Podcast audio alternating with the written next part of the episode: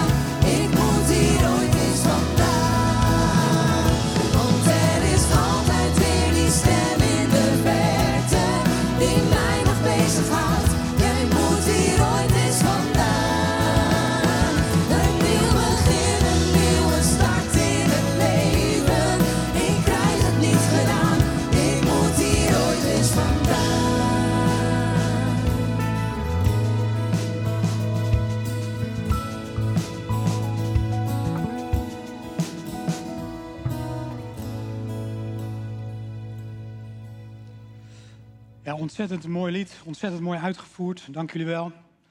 Heel toepasselijk op wat we vanmorgen gaan bespreken. Ja, goedemorgen mensen. Ontzettend leuk dat je deze ochtend met ons in de dienst van de basis verbonden bent. Of later hebt besloten om de uitzending te bekijken. Nou, ik ben hier te gast, ik ben eh, nieuw hier. Dus ik zal me kort even voorstellen. Mijn naam is Wilke Sliedrecht. Maar ik woon in Dordrecht. Ik ben 44 jaar jong of oud. En inmiddels alweer 20 jaar getrouwd.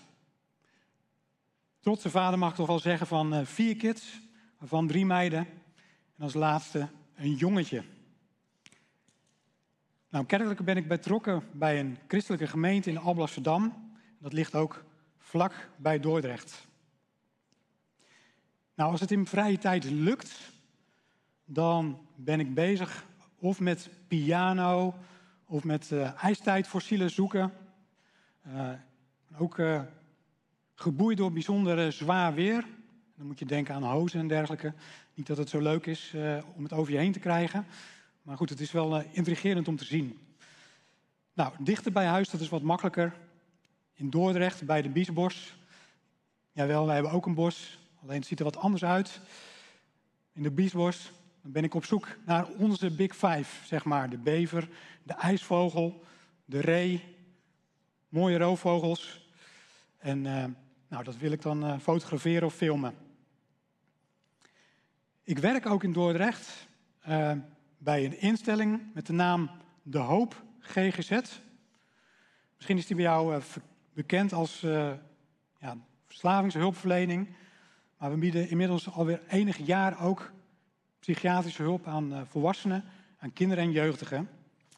En als De Hoop bestaan we inmiddels alweer 45 jaar. Nou, bij De Hoop eh, doe ik zelf ook aan wetenschappelijk onderzoek. En ik houd me dan vooral bezig met de vraag: waarom vallen mensen terug in het gebruik van alcohol? Soms na jaren. De redenen van zo'n terugval die kunnen op biologisch, op sociaal, eh, maar ook op, eh, ja, op, spiritueel vlak eh, liggen. Nou, dat schrijf je dan op in een wetenschappelijk tijdschrift en dat is een intensief en ingewikkeld proces. Nou, wat doet iemand uit Dordrecht eigenlijk hier in Apeldoorn? Naast dat ik natuurlijk gevraagd ben, geloof ik, en dat klinkt misschien een beetje raar, geloof ik dat ik ook zelf hier deze ochtend moest zijn. Ik hoop dat het in de loop van het verhaal duidelijk zal worden. Ik denk met wat ik deze ochtend vertel dat iedereen zijn voordeel wel kan doen hoor. Maar misschien heel specifiek heb ik voor één of meerdere mensen een boodschap die juist jij moet horen. En dan kom ik bij het thema van deze ochtend. Van leegte naar liefde. Samen met een aantal mensen vanuit de Hoop en collega-instelling Helios ben ik betrokken geweest bij de uitgave van een boek vorig jaar. Met als titel Van leegte naar liefde. En de ondertitel is Over de macht van verslaving en de weg naar herstel. En we beschrijven dat ook in het boek, dat herstel gaat voor ons ook, ons ook vier kanten op, vier richtingen op. Het herstel is eigenlijk een herstel van relaties. De relatie met jezelf, met de ander, de verbinding met de schepping, maar ook, maar daar moet je wel voor openstaan, de verbinding met de schepper, met God. Verslaving is trouwens best een groot probleem in Nederland. Iets waar veel Nederlands mee te kampen hebben. En dan hebben we het niet alleen over illegale drugs, eh, zoals bijvoorbeeld cocaïne. Maar ik denk ook aan roken en aan gokken. Ehm, de laatste jaren zijn er ook steeds meer problemen met middelen als GHB en lachgas. Misschien heb je er wel wat van gelezen. Een hele belangrijke, belangrijk is natuurlijk een legale, dat is de alcohol. Maar liefst 8,5% van de Nederlanders, van de volwassen Nederlanders, zou te veel drinken en daarmee onder de categorie zware drinken vallen. Nou, dan ben je natuurlijk niet direct verslaafd, maar het risico op doorschieten of afglijden, hoe je het ook wil noemen, is dan wel levensgroot. Ja, we spreken van verslaving, er zijn natuurlijk hele ingewikkelde definities van, maar ik zeg het even op zijn dorts. We spreken van verslaving als mensen door gebruik van een middel of door bepaald gedrag op meerdere gebieden, zoals lichamelijk of op sociaal gebied, in de problemen komen. En vaak willen ze wel stoppen, maar dat lukt niet zomaar meer. De controle over het alcoholgebruik, over de drugs, gokken, gamen is dan verloren gegaan. En dat proces dat verloopt vaak sluipend. Het speelt in het verborgene, want er is vaak heel veel schaamte. En voordat je dan toegeeft dat je tot de erkenning komt van dat je een probleem hebt op dat gebied, gaan er vaak meerdere jaren overheen.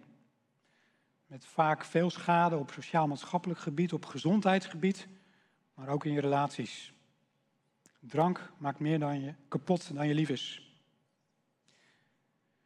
De redenen waarom mensen eraan beginnen, die zijn heel divers. Waarom ze erin blijven hangen en waarom ze terugvallen.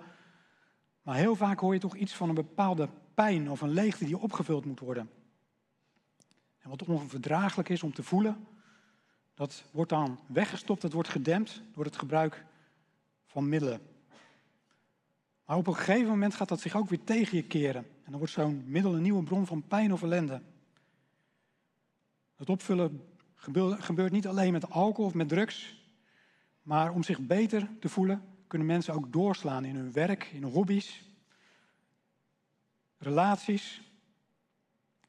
Het zoeken naar liefde, relaties of bevestiging als opvulling van die diep ervaren leegte kan dan ook de kenmerken van verslavingsgedrag krijgen.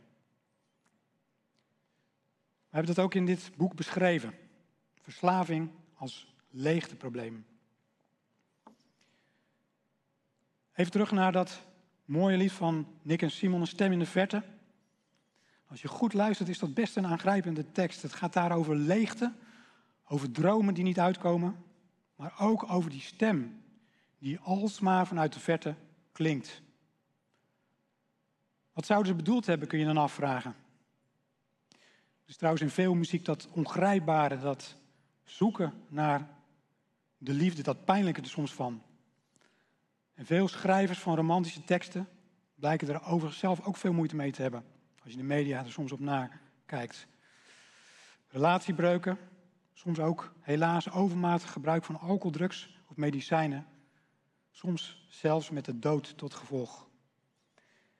Ja, die leegte, dat opvullen daarvan, dat zoeken naar de ultieme liefde. Ik wil je vanmorgen meenemen naar een Bijbelgedeelte waarin dat ook voor een zekere vrouw gold. Dat lezen we straks in het boek Johannes hoofdstuk 4 over een ontmoeting van deze vrouw met Jezus. Een verhaal wat zich 2000 jaar geleden afspeelde, maar hoogst actueel is als je het mij vraagt. Jezus ging samen met zijn discipelingen, met zijn volgelingen, zijn leerlingen van een bepaald gebied in Israël, Judea, op weg naar een andere streek in het noorden met de naam Galilea. Dat zie je op het kaartje. En op de weg daar naartoe gingen ze door een gebied met de naam Samaria, waar de bevolkingsgroep van de Samaritanen woonde. En die Samaritanen die waren eigenlijk een mengvolk. Ze hadden veel gemeen met het Joodse volk en de gebruiken en de godsdienst. Zelfs een aantal dezelfde Bijbelboeken, maar toch deden ze het allemaal net even anders. We hoorden de laatste tijd veel over spanning tussen bevolkingsgroepen, maar ook hier gold dat. Tussen Joden en Samaritanen, die lieten elkaar liever links liggen. En wat je ook moet weten als je dit verhaal zo hoort, is de ondergeschikte positie van de vrouw. En toch zien we dat Jezus juist een Samaritaanse vrouw opzoekt. Terwijl de discipelen boodschappen gaan doen, eten gaan kopen in een nabijgelegen stad, blijft Jezus vermoeid en dorstig van de reis achter bij een waterbron, bij een historische waterput. En bij dat verlangen naar water kunnen we ons met de warmte van de afgelopen dagen misschien wel iets meer voorstellen. Nou, wat stukjes van het verhaal gaat eh, Robert uh, straks lezen. En ik wil daarna nog een aantal dingen erover zeggen. Ja, dat verhaal gaat als volgt. Ik lees voor uit het Bijbelboek Johannes 4.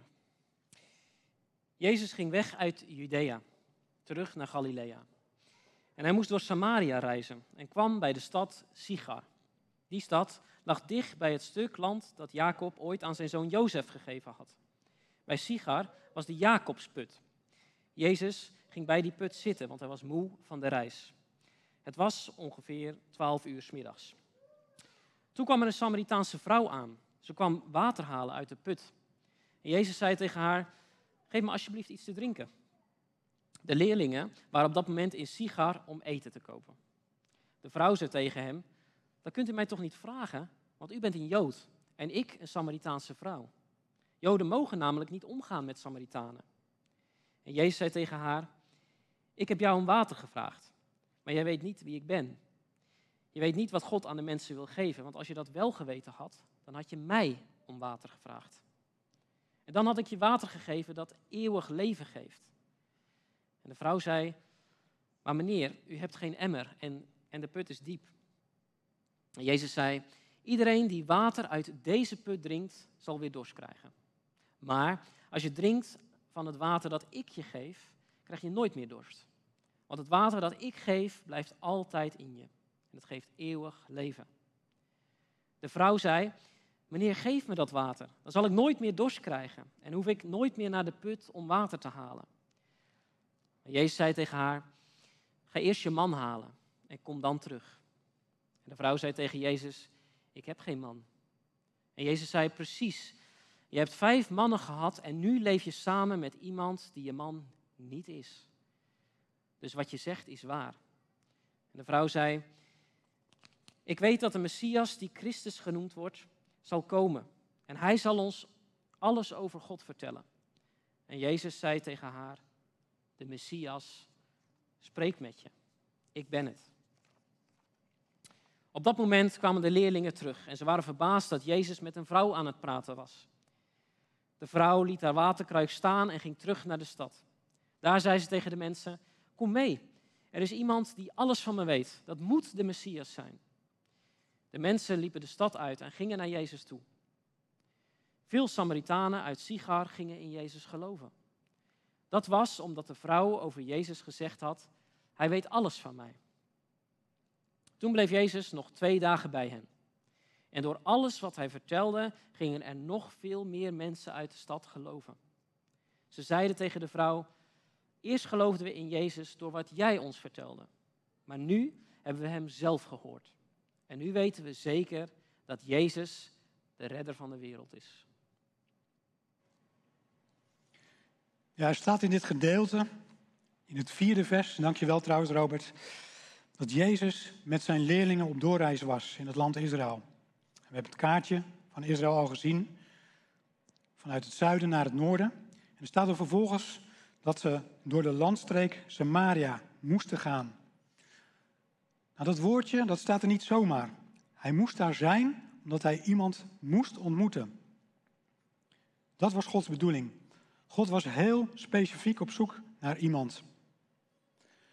Als Jezus vermoeid van de reis achterblijft bij een waterput, komt daar midden op de dag een vrouw. In die tijd had je niet zo'n mooie watervoorziening met een kraan, draai je die zo open. Nee, daar moest je echt wel wat moeite voor doen. De vrouw kwam ook op een merkwaardig tijdstip, midden in de warmte, om een kruik te vullen. Je krijgt de indruk dat ze niet gezien wilde worden, niet aangesproken wilde worden. Ze wilde niet dat er lastige vragen werden gesteld.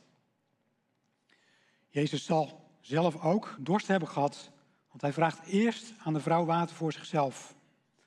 En dat blijkt de aanleiding voor een bijzonder en diepgaand gesprek. En dat neemt al snel een andere wending. Vers 10. Jezus zei tegen haar: Ik heb jou om water gevraagd, maar jij weet niet wie ik ben.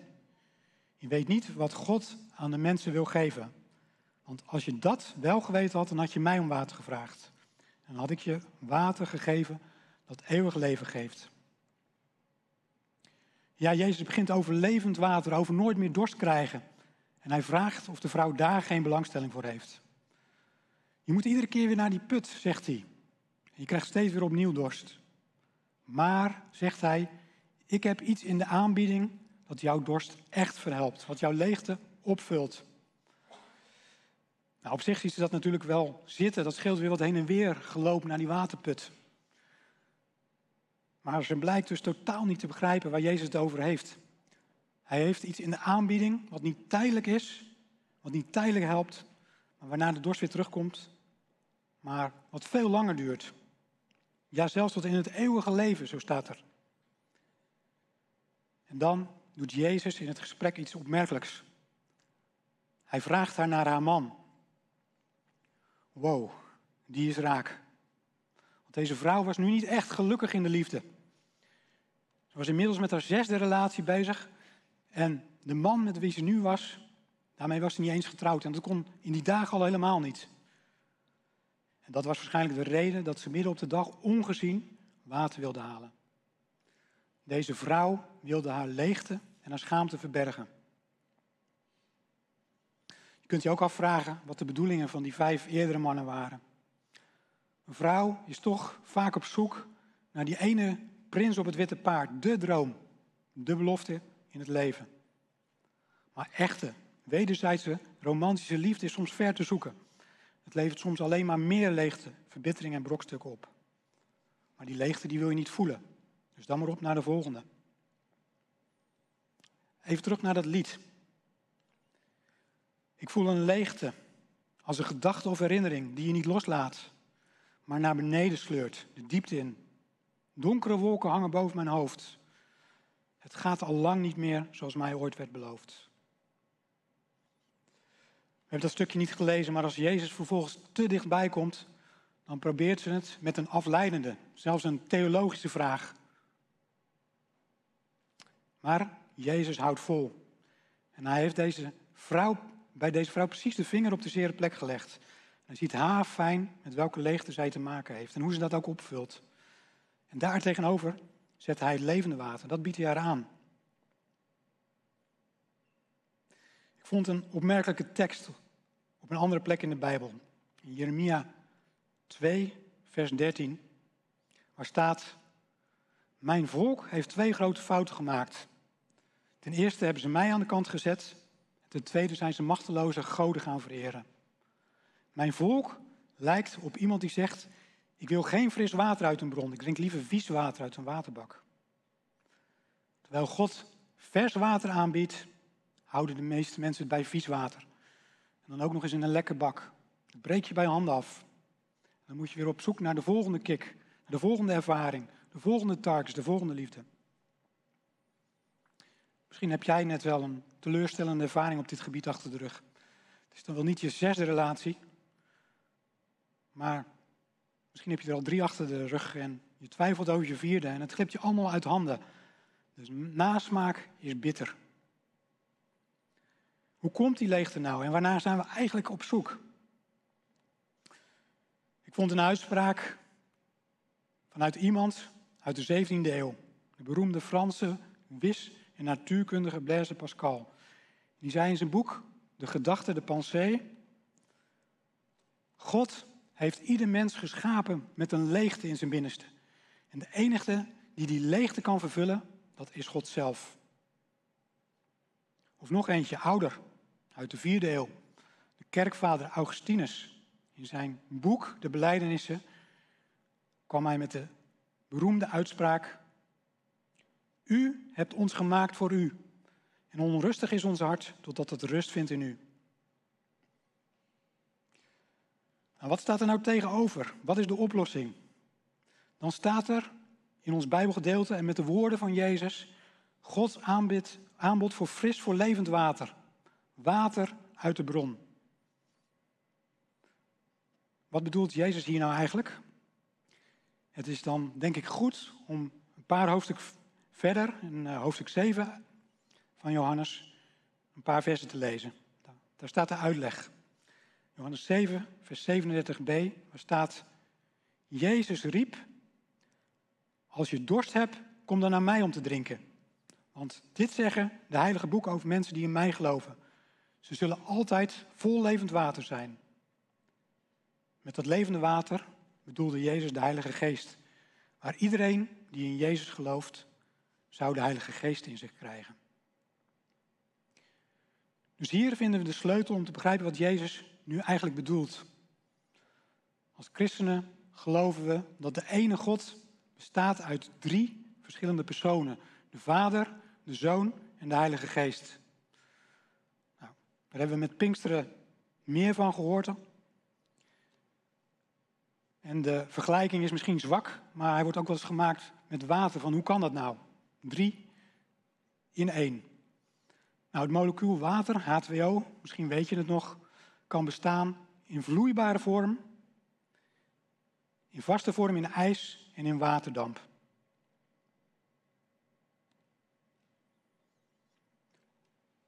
Het is dus de Heilige Geest. En God, de Heilige Geest, kan in verbinding komen met jouw leven als je gaat geloven in de Heer Jezus. Voordat het Pinkster werd, heeft Hij geleden en is Hij gestorven aan het kruis. En aan dat kruis droeg Hij jouw zonde. Daar droeg Hij jouw leegte. Die zonde is dat je in de eerste plaats niet op jouw schepper, op God gericht bent. Dat je niet luistert naar die stem, die misschien al jarenlang vanuit de verte liefdevol aan het roepen is. Zoals in Romeinen 8, vers 9 staat, jullie laten je niet leiden door je slechte verlangens, maar door de Heilige Geest. Want de Heilige Geest is in jullie gekomen. Je kunt alleen bij Christus horen als zijn geest in je is. God, de Heilige Geest, kan dus in verbinding komen met jouw leven als je gaat geloven in de Heer Jezus. Nou, hoe loopt het nu af met die vrouw? Als Jezus zo dichtbij komt en zo duidelijk aanwijst waar haar pijnpunt zit, dan kan ze er niet meer onderuit. Die man die heeft buitengewone kennis. Dit kan hij niet van haar weten. Dat moet een profeet zijn. Weer even terug naar dat lied. Ik heb het ondervonden. Ik heb het nooit geloofd. Ook al wil ik het negeren. Het blijft en blijft maar spoken in mijn hoofd. Maar dan gaat het nog verder. De vrouw begint zelf opeens over de lang verwachte Messias, de redder, de Christus, die zou komen. En dan maakt Jezus zich aan haar bekend. Vers 26. Jezus zei tegen haar: De Messias spreekt met je. Ik ben het. Jezus zegt: Kijk naar mij, ik ben het gewoon. Ik ben Jezus, de redder, die alles wat kapot gemaakt is weer zou herstellen. Hij is het die mensen die bij God vandaan waren, weer terug zou brengen. Tot hun schepper God. En als ze overtuigd is, als ze helemaal om is, dan gaat ze ook geloven in Jezus. Ze vergeet haar waterkruik en ze rent weg. En waar ze haar volksgenoten eerst ontliep, loopt ze ze nu tegemoet en vertelt ze over de nieuwe liefde die ze gevonden heeft. Ze ging van leegte naar liefde. En daar willen ook de andere volksgenoten allemaal meer van weten. En als ze hem zelf gehoord hebben, dan gaan velen ook zelf geloven. Levend water stroomt, is bruisend. Dat hou je niet voor jezelf. En jij? Waar sta jij eigenlijk in dit verhaal? Waarin herken jij misschien jezelf? Waar zit jouw leegte? Waar zit jouw pijnpunt? Of misschien wel meerdere.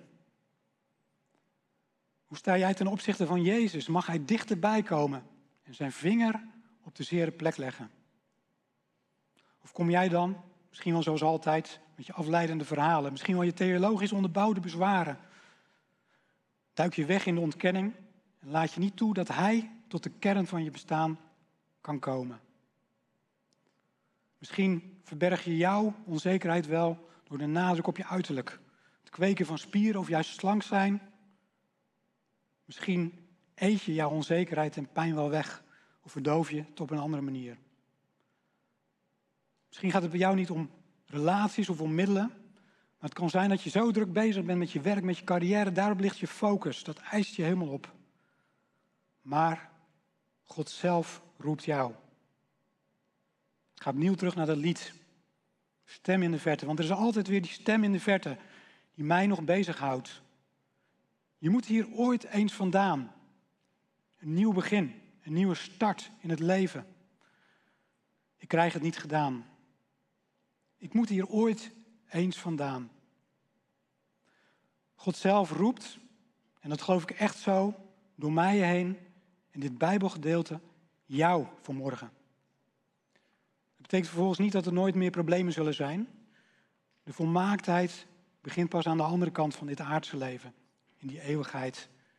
Maar hij roept en biedt zich juist in jouw gebrokenheid aan, om in alle facetten van jouw bestaan de vervulling van jouw leven te zijn. Levend water, voor als je dorst hebt. Jezus gaf zijn leven voor jou en wil zijn leven aan jou geven. Jouw leegte kostte hem het leven. Misschien is die stem uit de verte nu ook wel heel dichtbij gekomen en roept jou. Zoals die vrouw zei, geef mij dat water, Jezus.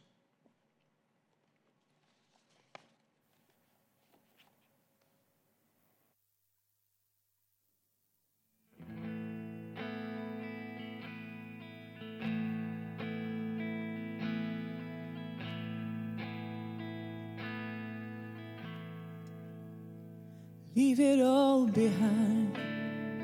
Leave it all behind. Leave it all behind. Leave it all behind. I have what you need, but you keep on searching. I've done all the work, but you keep on working. When you're running on empty and you can't find the remedy, just come to the well.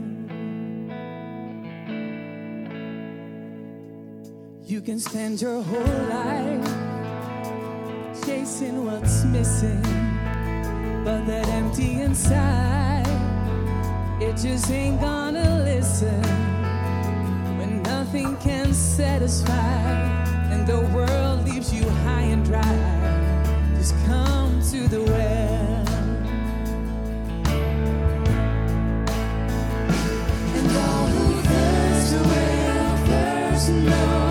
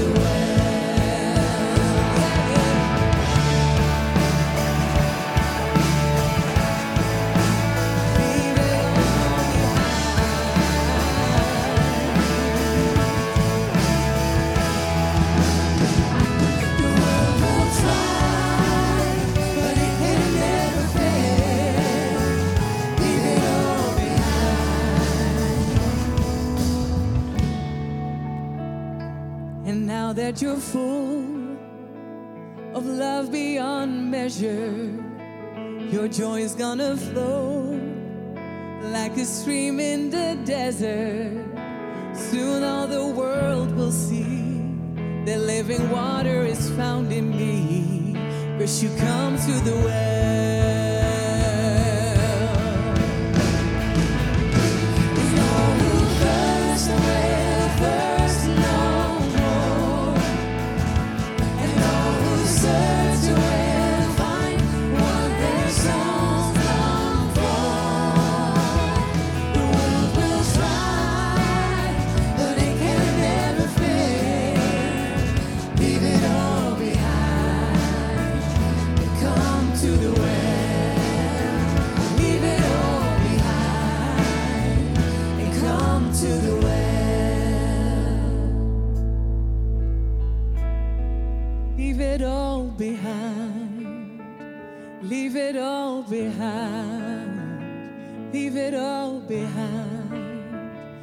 It all behind. Leave it all behind. Your pursuit of perfection. Leave it all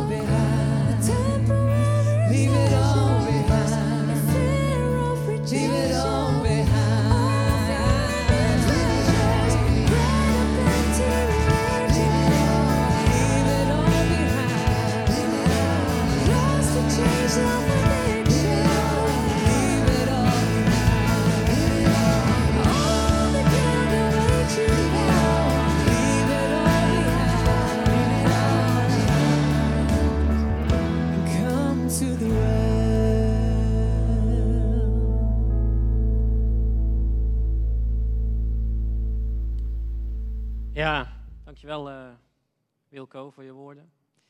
Heftig om eh, nou, statistieken te horen dat er zoveel mensen linksom of rechtsom ja, op een donkere plek zitten, ehm, soms vastzitten. En ehm, ja, we hebben de boodschap ook gehoord van Wilco dat er, ehm, ja, de, de Bijbel, of ja, Jezus zegt het in de Bijbel op zoveel manieren, dat er een bepaald levend water is, dat het brood des levens zoals het er ook wel staat. Of het koninkrijk van God. Elke keer zegt Jezus, ja, er is iets wat, wat ik voor je heb, als je het toch maar zou willen pakken. Ehm Wilke zei net ook dat, ehm, ja, hoe die verandering plaatsvindt. En ehm, in een andere vertaling staat er in Johannes 7 dat er stromend van van stromen van levend water uit je binnenste zullen komen. En dat is ja, hoe ik eh, geloof en hoe ik zelf heb ervaren, toen ik ook ooit op een donkere plek zat, dat, eh, dat, het zo, ja, dat God zo werkt, van binnenuit. Dat er nog steeds die donkere omstandigheden zijn, maar dat het allemaal begint met een stap naar God toe. En dat begint met een stroompje van levend water en dat dat ja, steeds groter mag worden. En ik geloof ook dat ehm, de Bijbel uiteindelijk heel veel kaders geeft, heel veel ja, handreikingen doet eh, om, ehm, om je leven uiteindelijk op orde te krijgen. Soms is dat niet mogelijk, maar misschien tot op een bepaalde hoogte. Eh, maar het begint allemaal met die ene stap naar God toe. Jezus kwam eh, niet voor niks naar deze aarde en ehm, nou, daar is heel veel over geschreven en dat leggen we ook regelmatig uit in deze basisdienst, de basisdienst op zondagochtend. Maar ik denk dat het goed is om het vanmorgen hierbij te houden. Dat het begint met een stap naar God toe. Om, ehm, nou ja, misschien iets wel te mogen gaan voelen van dat levende water. Wat, eh, wat Jezus ja, zo nadrukkelijk zegt in de Bijbel. En ehm, nou ja, waar wij ook zo enthousiast over zijn. Ik wil deze dienst afsluiten met ehm, een gebed. En daarin wil ik eh, vragen of dat je mee wilt bidden. En eh, ik weet niet hoe je hier in de zaal zit of, of thuis zit. Maar ja, ik wil daarin een korte stilte laten vallen. Om, eh, ja, dat je misschien zelf mag zeggen, ik ben op zoek. En niet dat eh, opeens een onweer komt en dat alles anders is. Maar dat je je openstelt. Die eerste stap zet. ehm, ja, zoals God dat vraagt. Wil je met me meebidden? Vader, ehm, u kent ons allemaal zoals we hier zitten. Heer, ehm, thuis of, eh, of hier in de zaal. En u weet hoe het, hoe het vandaag met ons gaat. Hoe we opgestaan zijn. Heer, ehm, met, ehm, met hoofdpijn of, eh, of heel vrolijk. Ehm, dat we naast ons keken en dat daar onze vrouw lag. Of dat dat helemaal niet het geval is. En dat we dat missen. Heer, of dat we met fysieke pijn opgestaan zijn. Of dat we met familieproblemen worstelen. Of dat we met verslaving worstelen, zoals dat vandaag voorbij is gekomen. Heer, u kent ons. En u zegt dat we allemaal hetzelfde nodig hebben. U zegt in de Bijbel dat eh, u bent gekomen voor eh, gebroken mensen. Mensen die willen, willen zeggen, ja, Heer, ik heb het ervaren op deze wereld, ik kan het niet alleen. En ik heb iets nodig en ik weet nog niet precies wat het is, maar misschien bent, bent u dat wel. En ehm, nou, misschien is dat wel de staat van je hart vandaag. En ehm, dan wil ik nu een korte stilte laten vallen, dat je of in de zaal of thuis gewoon eens kan zeggen, ik ben, aan, op, ik ben op zoek en ik wil daar moeite voor gaan doen om, eh, om u te vinden. Ehm, wilt u me daarbij helpen? Korte stilte om dat uit te spreken.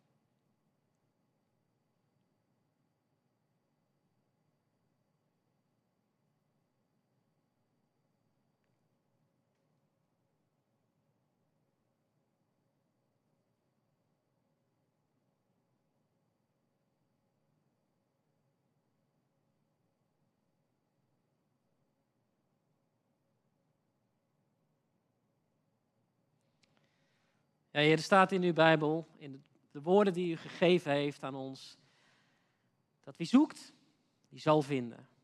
Wie oprecht zoekt, op weg gaat, die zal geholpen worden. Vanuit welke situatie dan ook. Met als begin het levende water van binnenuit. Heer, en ik bid toe voor al die mensen die, eh, die dat uitgesproken hebben, die eh, in lastige, ja, ik kan weer zoveel dingen opnoemen, ik ga dat niet doen, die in een lastige situatie zitten, of gewoon een stukje waarheid hebben ervaren. Heer, wilt u met hun eh, zoektocht meegaan en die beantwoorden? Soms pas na jaren, Heer, als we al die verhalen altijd horen in de basis, soms pas na jaren en soms morgen op je werk of wat dan ook. Ehm, Heer, wilt u het doen, want eh, we verwachten het van u. Amen. Leuk dat je keek naar de basisdienst van deze week. We helpen je graag om een volgende stap te zetten. Ga naar basis.cc next, waar je alle informatie vindt om jouw volgende stap te zetten of om met ons in contact te komen. Maar voor nu, tot volgende week.